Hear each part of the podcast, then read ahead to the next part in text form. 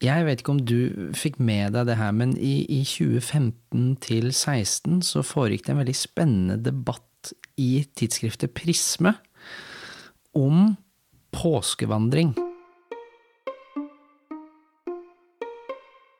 Altså at eh, skolen kom på besøk i kirken, hvor prester og kateketer har laget et sånn opplegg i kirken hvor man kan gå rundt i kirkerommet og på en måte interaktivt oppleve fortellingen, altså påskefortellingen. Jeg skal ikke gjengi alle detaljene i den debatten, det kan du jo lese om selv på Prisme sine hjemmesider, men kort fortalt.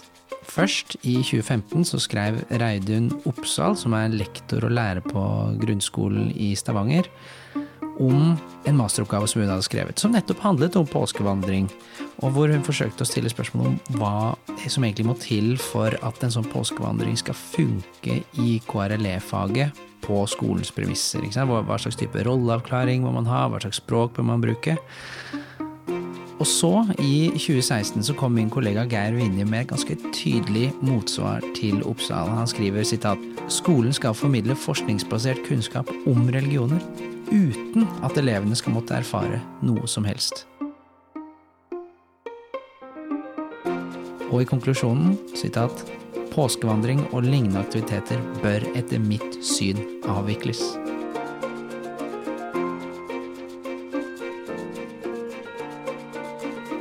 Jeg tror det som er så fascinerende med den debatten her, da, det er jo at den tar opp en del ting som liksom er helt sentralt i faget, og som litt ulike krefter og perspektiver forsøker å trekke det i retning av.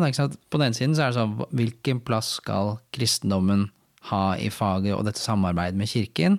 Det ligger jo ulmer litt der, men så er det kanskje ikke minst det her med identitet. Ikke sant? Om, om fortellinger og identitet, men også dette med hvilken identitet og hvilket livssyn elever og foreldre har. Og i tillegg, da, så er det kanskje det der dilemmaet, egentlig, som, som, ligger i det der med involvering eh, og engasjement på den ene siden, og varsomhet på den andre. da. For jeg mener En ting er jo f.eks. bruk av populærkultur, som vi hadde en episode på tidligere. Det, jeg tror at det er utrolig viktig da, å prøve å få dette faget til å bli interessant og spennende og engasjerende. Det er kanskje det viktigste. Men hvordan få det til å bli like spennende når vi har om kristendommen, islam, hinduismen? Og, og, og der tror jeg det ligger en litt sånn eh, Det ligger et litt sånn dilemma for faget der. Uh, engasjement og varsomhet. For det, det blir jo spennende når man drar på ekskursjon. Det blir spennende og interessant når man skal bruke egen kropp og erfare, og ikke bare lese og høre og skrive og kanskje tegne. Og akkurat det der har jo da f.eks. Katrine Moen skrevet et kapittel om i boka KRLE i klemme, da, eh, og da heter det kapittelet nettopp Engasjement og varsomhet. Og det vi skal snakke om i dag, det er ekskursjoner, som nettopp befinner seg i det der, i der dilemmaet mellom engasjement og varsomhet. Jeg dro for å besøke professor Tove Nikolaisen, som i mange år har undervist på det som før het Høgskolen i Oslo og Akershus, og nå heter det Oslo Mett. Jeg skal ikke kommentere det noe videre. Du hører på KRLE-podden. Mitt navn er Knut Aukland. Det skal handle om eh, skole og religion og kristendom. Jeg mener at ingen skal tvinges til å gå på skolegudstjeneste. Eh, lærerstudentene har av kunnskap om disse evnene. Faget vil inneholde hele 50% kristendom og bare 50 eh, vranglære. Kompetansemålene i faget. Det K-en gjør nå, er at den bare markerer at kristendommen har en særlig historie hos oss. Og det er jo sant. Eh, den K-en kom til for tre og et halvt år siden. Den var ikke der før. Det handler først og fremst ikke om K-en. Uh, RLE-faget har jo en litt brokete historie. Abonnerer de selv på KRLE-podden som lærer? Ja, det er en selvfølgelig ting.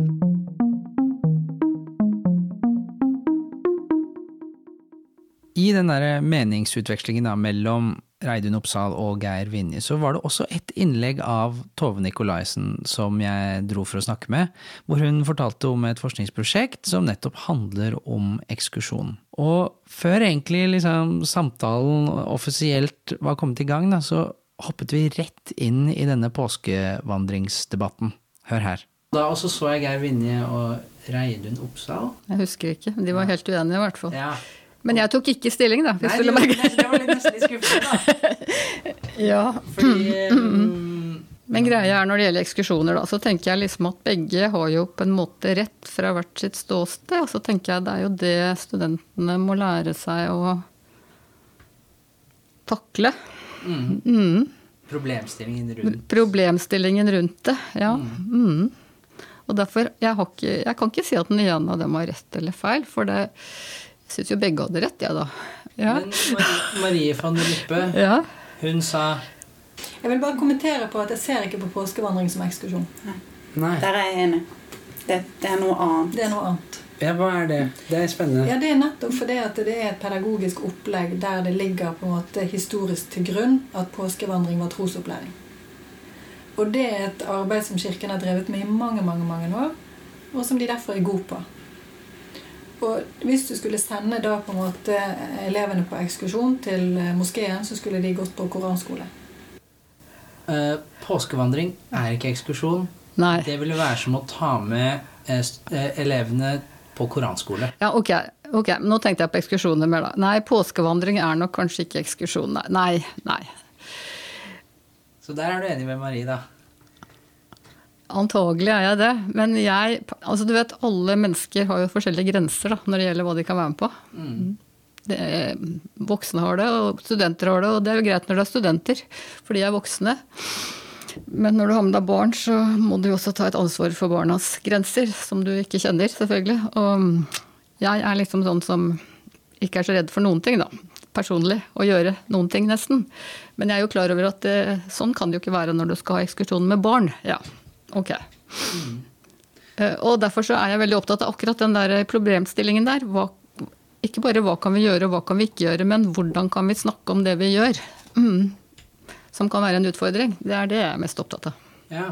Mm. Fordi jeg, min opplevelse er litt at uh, når jeg leser didaktikkbøker og diskusjoner Mm. rundt det med ekskursjon, så manes det veldig til forsiktighet. Ja. Som gjør at jeg frykter at eh, man ikke tør å dra på ekskursjon. Mm, mm. Fordi hva hvis noen opplever at det er involverende, eller at det er krenkende? Mm. Og det står det i opplæringsloven. Mm. Så da ok, kanskje jeg bare ikke skal gjøre det, for det er Mm. tryggere. Mm. Men altså, jeg er ikke så redd for om ting er litt utfordrende, jeg, da. Mm. Men jeg skjønner jo at det kan skape problemer. Så det er egentlig det der jeg er, da. Det er det jeg driver og jobber med og tenker om, liksom, hva gjør vi med det. Og når vi har med studenter herfra, fra høyskolen, så de som tar en påbygningskurs, da prøver vi alltid å få det med når det er ritualer, da. Når det er porcha, eller det er fredagsbønn, eller når det er sånn. Ja, ok, Så ikke bare på ekskursjon og møte en representant, men mens det, er mens det skjer noe, ja. Mm, prøver vi å få til. For at de skal lære noe av det.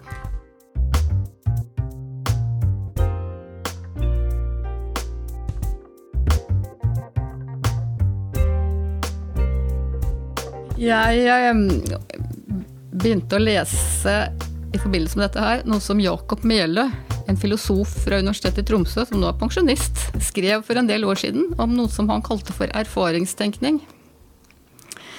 Som handlet om å forstå hva andre gjør.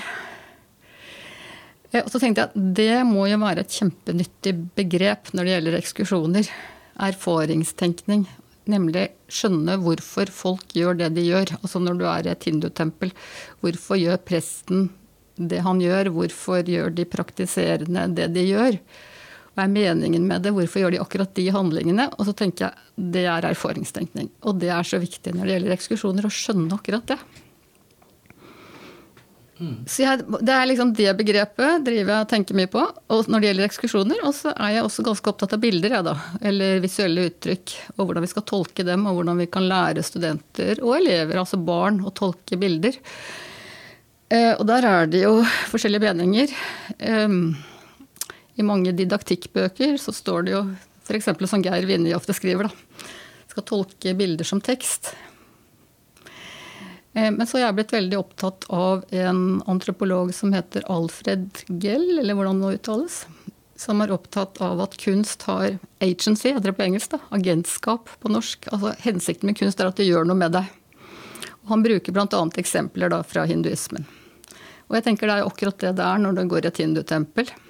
Så er det bildene, statuene, alt det materielle de bruker, det gjør noe med det. Ja, og så tenker jeg det er dette her vi må lære lærerstudenter og elever å forholde seg til å takle. Hvorfor folk gjør det de gjør, hvorfor de bruker de gjenstandene de gjør, hva betyr bildene i et hindutempel. Og da befinner vi oss hele tiden på en sånn grense mellom klasserom og helligrom, eller Og noen ganger på en grense mellom undervisning og forkynnelse. Og akkurat det der rommet der, det rommet imellom du er der, det tenker jeg er veldig viktig at studenter og elever lærer å forholde seg til og snakke om og forstå. Det er noe spesielt med det rommet. Jeg tenker jo også at, uh, mm. at det er så mye god læring i å bli eksponert for religion. Ja. Som det å dra og besøke mm. uh, et tempel, også når de holder på med mm. ritualer. Mm. Men det ram, særlig det juridiske rammeverket nå er liksom veldig skrem... Eller det er ikke skremmende, men det gjør religion til noe veldig farlig. Ja. Og det å bli eksponert for religion som noe farlig fordi man kan bli krenket. Mm. Eller man kan oppleve noe som involverende. Mm. Uh, og så er det det andre at man At faget skal no normalt være samlende. Mm. Og da kan ekskursjon risikere at noen ikke vil være med. Mm. Så det høres ut som du egentlig vil utfordre det rammeverket litt. Du lik, liker du det rammeverket? jeg tror jo kanskje at det er nødvendig, det rammeverket, men jeg vil jo gjerne utfordre det litt. Og hvis jeg kan snakke litt om barna med hindubakgrunn Bare for å skyte inn her, grunnen til at uh, Tove vil snakke om uh, barna med hindubakgrunn, er at hun nettopp har skrevet en doktorgrad om hindubarn i grunnskolens religions- og livssynsundervisning. Det er en doktorgrad som er tilgjengelig på nett, og som er en veldig spennende lesning. Ok, tilbake til Tove. Hvis jeg kan snakke litt om barna med hindubakgrunn. Så de er jo ikke redde for å oppsøke andres hellige hus, eller komme nær andres religion. En av jentene i undersøkelsen min hun sa til og med det er ikke farlig å gå i kirker, moskeer. Hun brukte ordet farlig. Det er ikke farlig, sa hun. Um, så der tenker jeg vi kanskje har litt å lære av hindubarna. Mm. Men er, som jeg har sagt før, og som jeg alltid også tenker på, alle mennesker har forskjellige grenser når det gjelder dette her. Og de grensene må vi respektere. Og vi må lære elevene å på en måte definere sine egne grenser. Hvor går min grense? Hva syns jeg er vanskelig, og hva syns jeg er greit, og hvorfor er det sånn? Ja, det er der jeg er. Mm. Men er KRLE-faget KRLE moden nok til å være der som du er i din tenkning? Jeg håper det. Men... Jeg, håper det også. Det har jo vært noen år nå, da, dette faget. Men jeg er ikke så sikker på om det er modent nok. Faget er modent nok. Men uh, jeg tenker det er jo kjempeviktig. Ikke bare i forhold til ekskursjoner, det er jo kjempeviktig hele tiden. Og uh, på en måte kjenne sine egne grenser, kunne forholde seg til religion i det offentlige rom, i det private rom, i ekskursjoner, hvor, hvor som helst. og og på en måte skjønne at det kan en gjøre uten at det nødvendigvis må være farlig og skremmende.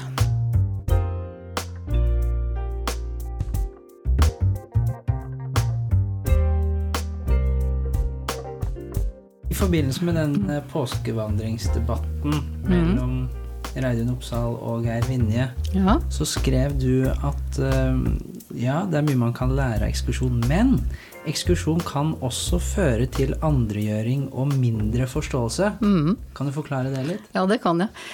Jeg tenker, og det vet jeg også ut fra de barna jeg intervjuet, at det kunne være sånn. Altså, jeg må snakke litt om dem, da, da hindubarna. Jeg var med to-tre av dem med klassen deres på ekskursjon, og jeg snakket med noen av dem om ekskursjoner de hadde hatt i hindutempelet. Og da hadde de sånne blandede opplevelser. På en måte var de stolte da, av at klassen besøkte deres hellige hus, men så hadde de sånne såkalte andregjørende opplevelser. da.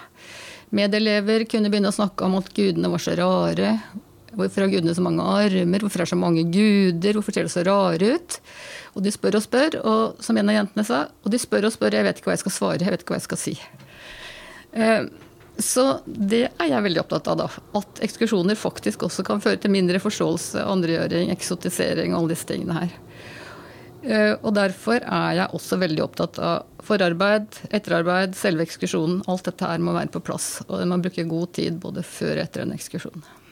Jeg tror du hadde et sitat hvor det var um, Om det var et, en hindu-elev som fortalte at de andre elevene syntes at uh, gudestatuene var ekle. Ja, det er riktig. Ja. Ekle, ekle var ordet. Ja. De, de hadde mange armer. Ja. Eller ekle fordi Mm. det var et dyrehode. Mm.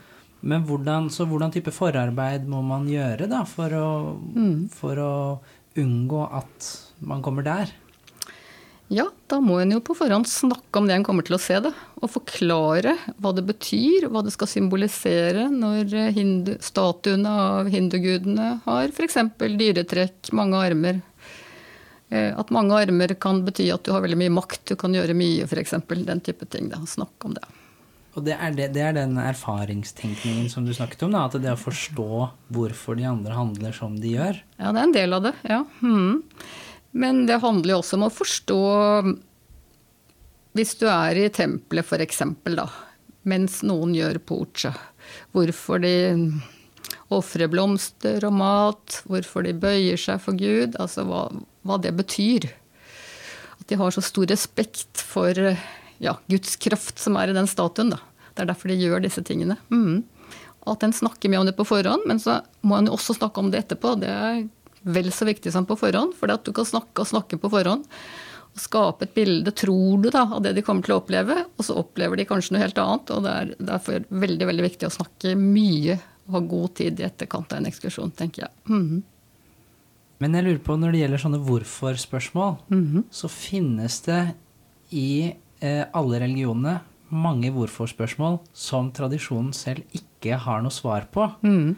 Og som eh, jeg har jobbet litt med, med studentene, eller jeg har blitt utfordret for de spør om ting i hindutradisjonen som jeg kjenner Mhm. til. Hvorfor er det sånn? Hvorfor er det sånn? Mhm. Og det finnes mange ting som ikke det er nødvendigvis noe svar på. Mhm. Og det gjelder jo også Hvis man tok sport, da, fotball, 16-meteren, keeperen kan bare være innenfor 16 meter. Ja, hvorfor 16? Hvorfor ikke 17? Ja, ikke. Eller Mhm. eh, julefeiring som kulturkristne er Mhm. kjent til. Hvorfor gran? Hva symboliserer gran? Jeg bruker furu, jeg, da. Jeg er. men, poen- men poenget er jo at det vet vi ikke. Nei. Noen ting er bare tradisjon. Mm. Eh, Så det kan kanskje være Er ikke det en utfordring med mm. eh, erfaring Nei, hva kalte du det? Erf Erfaringstenkning. Ja. Ja. Jo, det er klart, og hindubarna da, de går jo noen ganger hjem til foreldrene sine og spør om hvorfor, og så svarer foreldrene akkurat det du sier. Ja, det bare er sånn. Ja. Men det går det jo også an å snakke med barn om, da. Altså, jeg mener jo du kan snakke med barn om alt. Du kan forklare barn også at det ikke er svar på ting. At dette gjør vi fordi vi dette har vi lært fra vi var barn. Dette er en del av vår livsverden. Sånn gjorde foreldrene våre og besteforeldrene. og Sånn gjør vi. Og så har vi kanskje ikke alltid tenkt over hvorfor vi gjør det. Og det tror jeg barn skjønner. Hvis du snakker med dem om det. Jeg er sånn, har veldig tro på barn og det de kan forstå, hvis du bare tar deg tid til å snakke med dem. Mm. Ja, for det, det, det tenker jeg jo at det, Mhm. Det er ikke en feil eller en mangel ved en religion hvis ikke den kan svare på alle hvorfor-spørsmål. For det er sånn mennesker er. At vi gjør mange ting mm. som ikke vi har hvorfor-forklaringer på. Mm. Ja, barn de kan jo spørre eh, hva er det for noe? Så kan du svare jo, det er en hest. Og så kan barnet spørre hvorfor det? Ikke sant? Barn altså de spør jo og spør jo og spør jo, og de, uten noen gang egentlig å komme til bunns. Og det er på en måte sånn livet er, og det må de også lære, da. Og det tenker jeg også sånn i forhold til hvorfor har en gudestatue mange armer? Eh, ja, hvis man spør hinduer om det, så vil Mm. man vel få en del forskjellige svar. Helt sikkert. Mm. Men dette går jo alle veier. Altså, Hinduborna fortalte jo meg da det, det noe de syntes var rart. Og det var kristendommen, da. At Gud er blitt spikra på et kors, det er det rareste vi noen gang har sett, og det skjønner vi ikke, var det faktisk flere som sa. Ja. Så det du ikke har vokst opp med og er vant til, det vil jo ofte fortone seg rart for deg, da. Og det er på en måte det jeg tenker at noe av erfaringslæringen går ut på at vi skjønner at sånn er det. Det, det som vi ikke er vant til, det syns vi mange ganger er rart. Og så kan vi snakke om det. Og så er det ikke alltid svar, da. Som du helt riktig sier. Mm. Og det tenker jeg også er veldig viktig, da. At Mm. man, om man kan greie å vise at selv om noe kan virke veldig fremmed mm. og annerledes, noe de andre gjør som ikke vi gjør, Mhm. at man da greier å trekke fram paralleller. Mhm. At uh, ting som vi tar for gitt, f.eks. en mann idet han blir henrettet med en spesifikk dødsstraff, at det er et naturlig religiøst symbol. Nå tenker jeg på Jesus på korset. Mm. Så det er ganske spesielt hvis man tenker seg om, men man, man trenger på en måte å få den Mhm. Ja, man trenger å få det blikket på det. Et nytt Ja. blikk. Ja, et nytt blikk. Mm. Ja.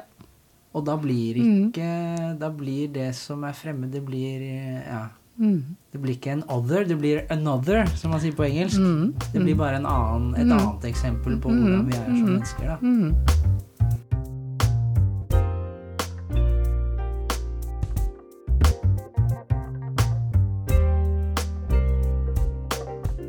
Tove jobber for tiden med et lite forskningsprosjekt om nettopp ekskursjoner og studenter. Så jeg spør henne hva, hva det prosjektet egentlig går ut på. Forbindelse med at vi har hatt ekskursjoner med studenter, så har jeg samlet inn refleksjonstekster som de har skrevet. De fikk spørsmål før de skulle på ekskursjon, og så har de svart på dem. Og så har, vi, har jeg samlet dem inn, og så har vi snakket om svarene. Og de tekstene, det er, måte, det er empirien min. Jeg har også, det har jeg ikke fått sett på ennå, tatt vare på reisebrev som studenter har skrevet når de har vært i India. Men det har jeg ikke sett på ennå. Så jeg har egentlig ganske mye tekster som jeg gjerne vil gå dypere inn i. Eh, Så vil jeg finne ut, da, eh, hvilke måter, hvilke forskjellige måter studenter erfarer en ekskursjon på. Eh, Om det de opplever stemmer med det de har lært på forhånd, det som jeg har forklart på forhånd, eller om jeg på en måte har gitt dem et slags sånn utopisk bilde av hva et hindutempel eller en moské er. For det er særlig moskeer og hindutempler jeg har tekster fra.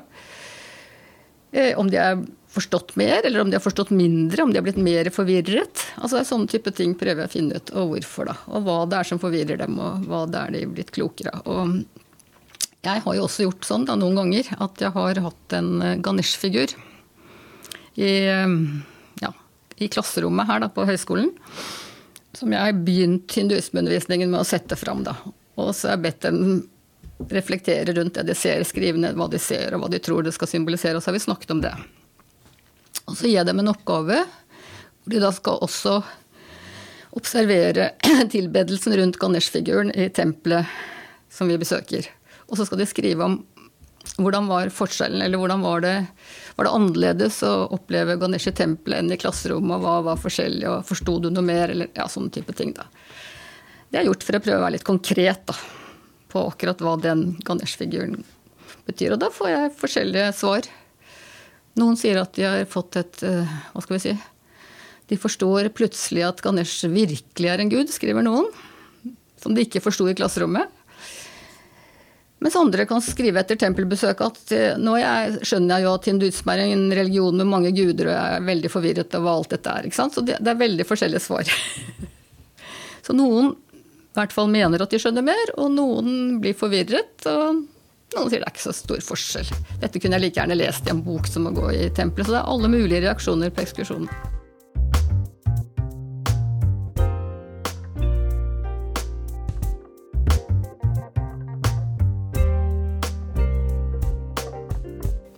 Når jeg hører på deg nå, så høres det ut som du er veldig opptatt av den hva skal vi si, opplevelsesdimensjonen ved å dra på ekskursjon. Mhm. Og hva slags lærdom man kan ta ut av det. En Ganesh-statue i Mhm. et klasserom og i et tempel Mhm. oppleves veldig forskjellig. Mhm. Og, og der er det en type læring som Mhm. du ser som verdifull. Mhm.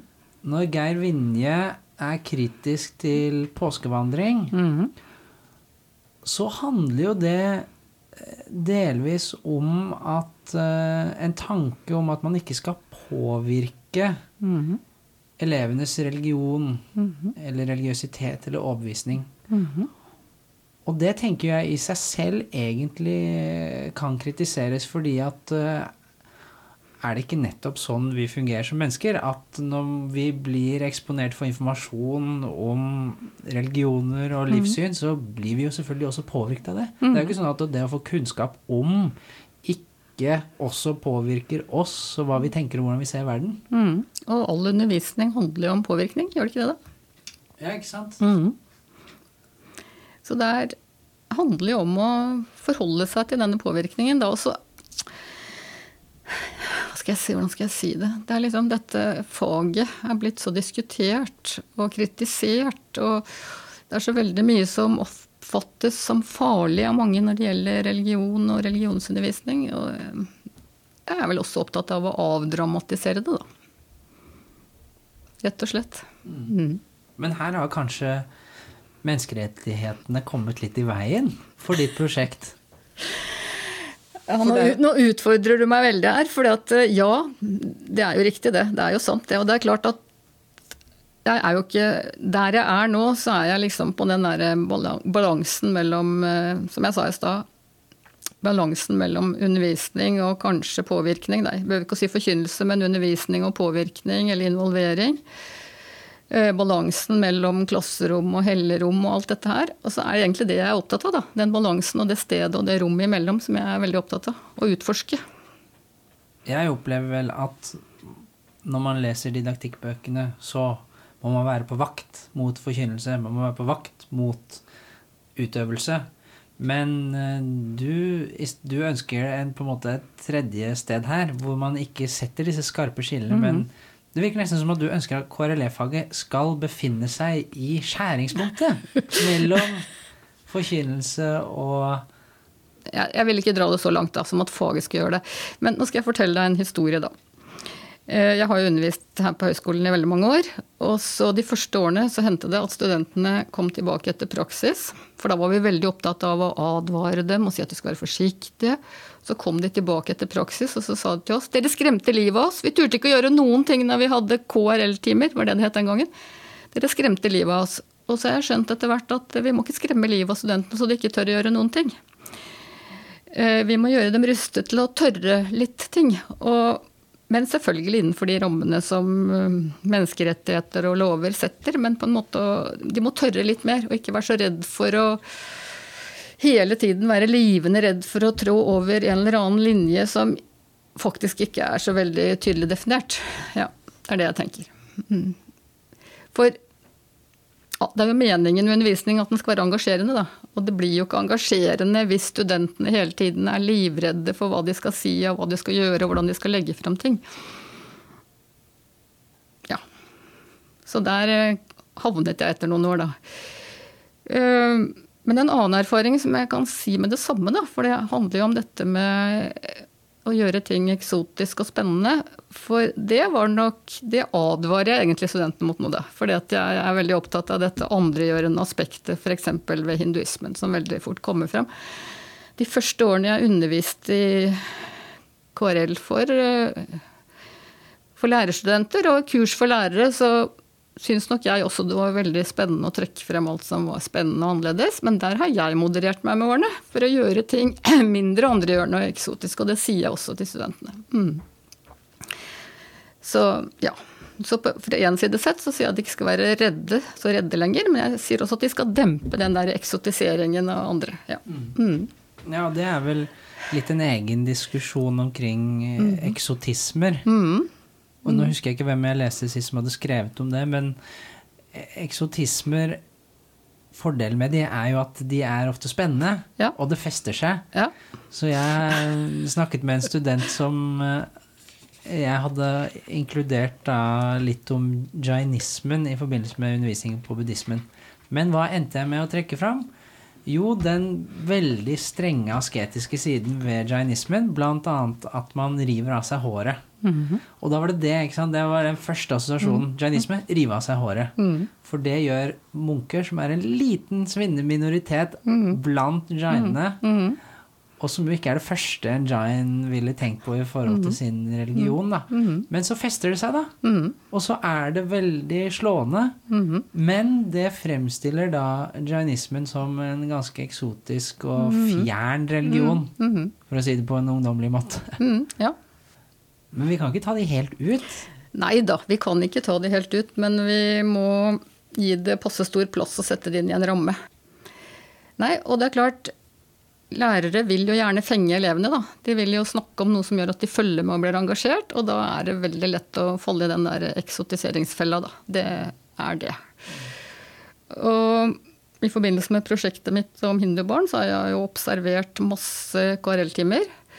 Og jeg ser jo at elevene, altså de som ikke er hinduer, ikke-hinduer, de blir jo veldig fengslet av fortellinger om gudene og alt de gjør og hvordan de ser ut. Da, de, da følger de med. Men samtidig så sitter du igjen med dette bildet av hinduismen kanskje som en rar og merkelig og eksotisk religion med rare guder. Så er, du må finne balansen der og da. Mm. Mm. Ja, det, det, så kan man jo dra den parallellen til mm. hva ville man trukket fram fra kristendommen mm -hmm. hvis man hadde et veldig utenfra-perspektiv, -hmm. og ville kanskje forsidebildet på kristendommen kunne være idet man får eh, oblat i munnen, man -hmm. får Jesu legeme, og man trekker veldig fram det aspektet. Og kanskje man kunne jo ramme det inn som en symbolsk form for kannibalisme. Ja, visst. Og dette er kristendommen, på en måte. Men det blir med en revansj. ja. Eksotifisering. ja. ja. Moteksotisering. Uh, ja.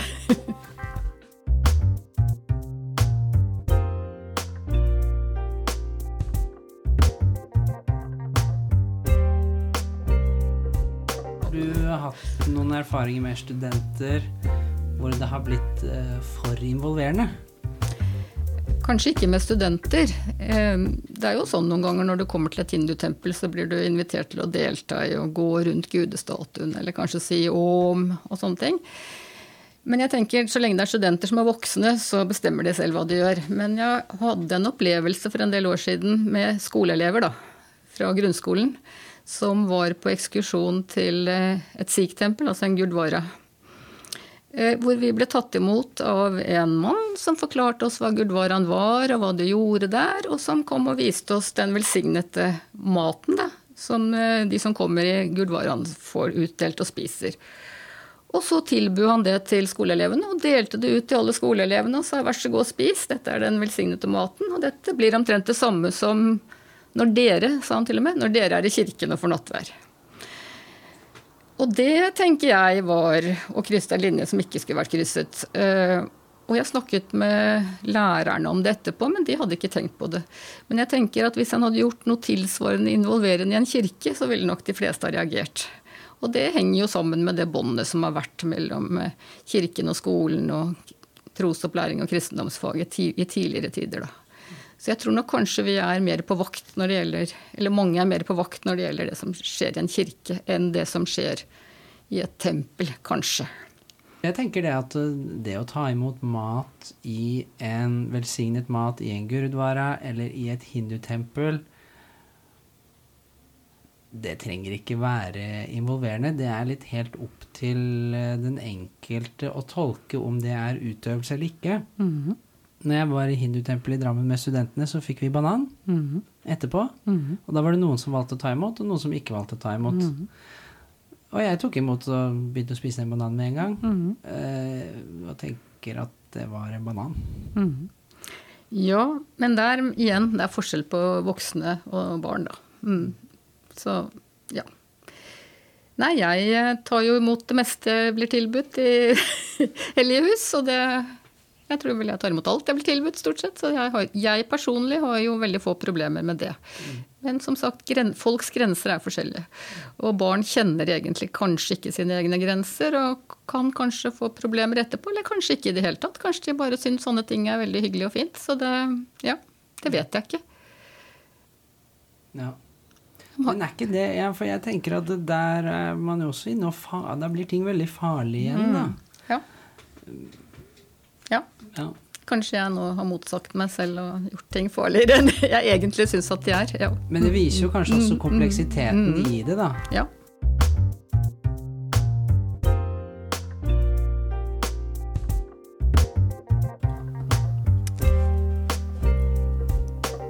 Vi er kommet til veis ende. Takk til Tove Nikolaisen og Marie von der Lippe og Sissel Lundheim, som vi også hørte et klipp av. Og ikke minst takk til Reidun Oppsal og Geir Vinje for denne påskevandringsdebatten. Innledningsvis så hørte vi Arif med 'Sulten', og bakgrunnsmusikken har vært Ali Rosevere.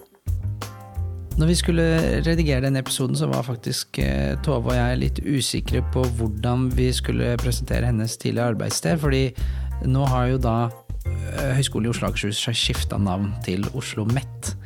Og det var sånn, ok, skal vi, Hva skal vi si, har hun jobbet på høyskolen, eller er det Oslo altså, Og det endte faktisk med at vi ble kalt inn på rektor Kurt Rice sitt kontor. Og det var, jeg syns det var helt drøyt. Jeg er vel også opptatt av å avdramatisere det, da. Rett og slett. Mitt navn er Knut Haukeland. Vi snakkes.